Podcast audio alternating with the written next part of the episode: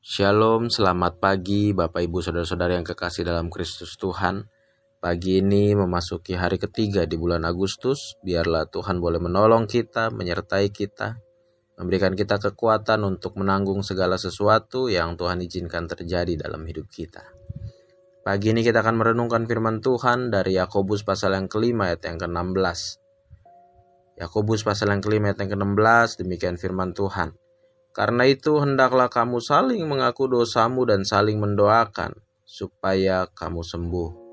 Doa orang yang benar bila dengan yakin didoakan sangat besar kuasanya.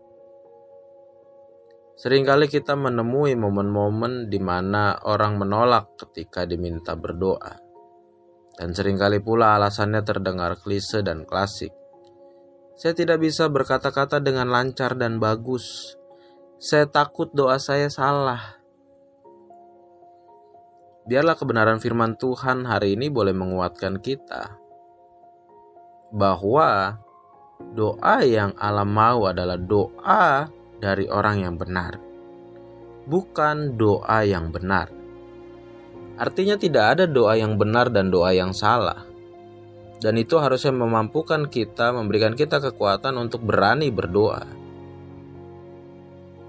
Kalimat orang yang benar harusnya hanya dipakai sebagai alat untuk kita memeriksa diri kita di hadapan Tuhan sebelum kita berdoa. Apakah kita sudah benar? Bukan sebagai alat untuk kita menilai orang lain apakah dia sudah benar.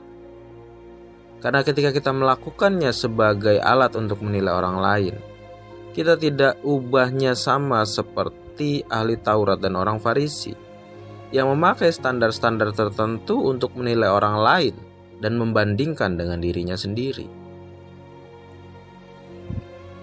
Kalimat orang yang benar harusnya hanya sebagai sebuah alat untuk kita memeriksa diri kita di hadapan Tuhan.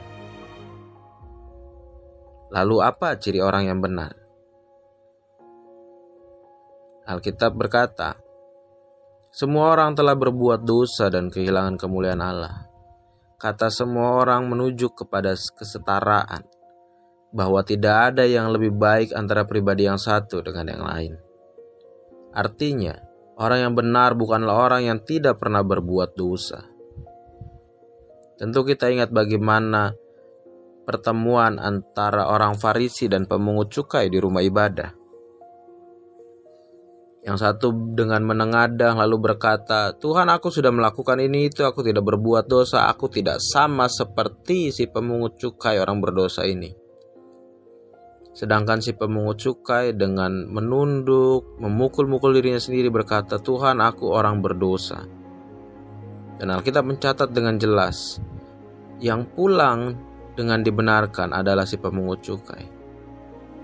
Artinya, Orang yang benar bukanlah orang yang tidak pernah berbuat dosa, tapi orang yang menemukan dirinya sendiri, jujur apa adanya di hadapan Allah dengan semua kelemahan-kelemahannya.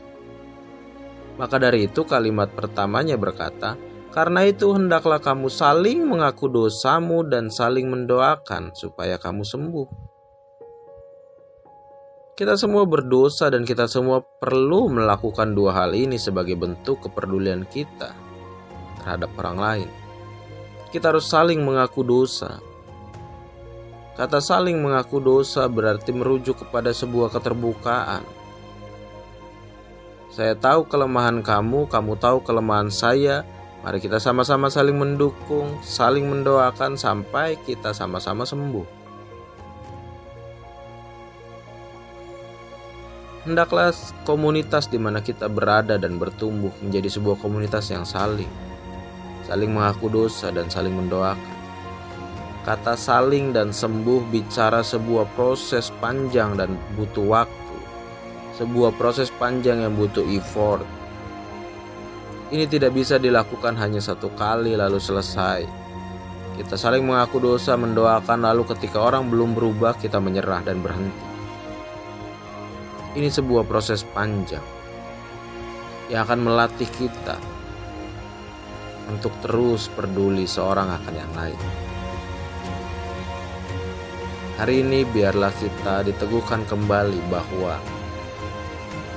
Tidak ada doa yang benar atau yang salah. Tapi biarlah juga kita menjadi orang-orang yang benar. Orang-orang yang menemukan siapa diri kita di hadapan Allah. Orang-orang yang dengan rela hati dan rendah hati mau saling mengaku dosa dan saling mendoakan sebagai sebuah bentuk kepedulian. Sampai kita masing-masing sembuh. Sampai kita masing-masing pulih. Sekalipun harus pulih dalam sunyi. Tuhan berkati.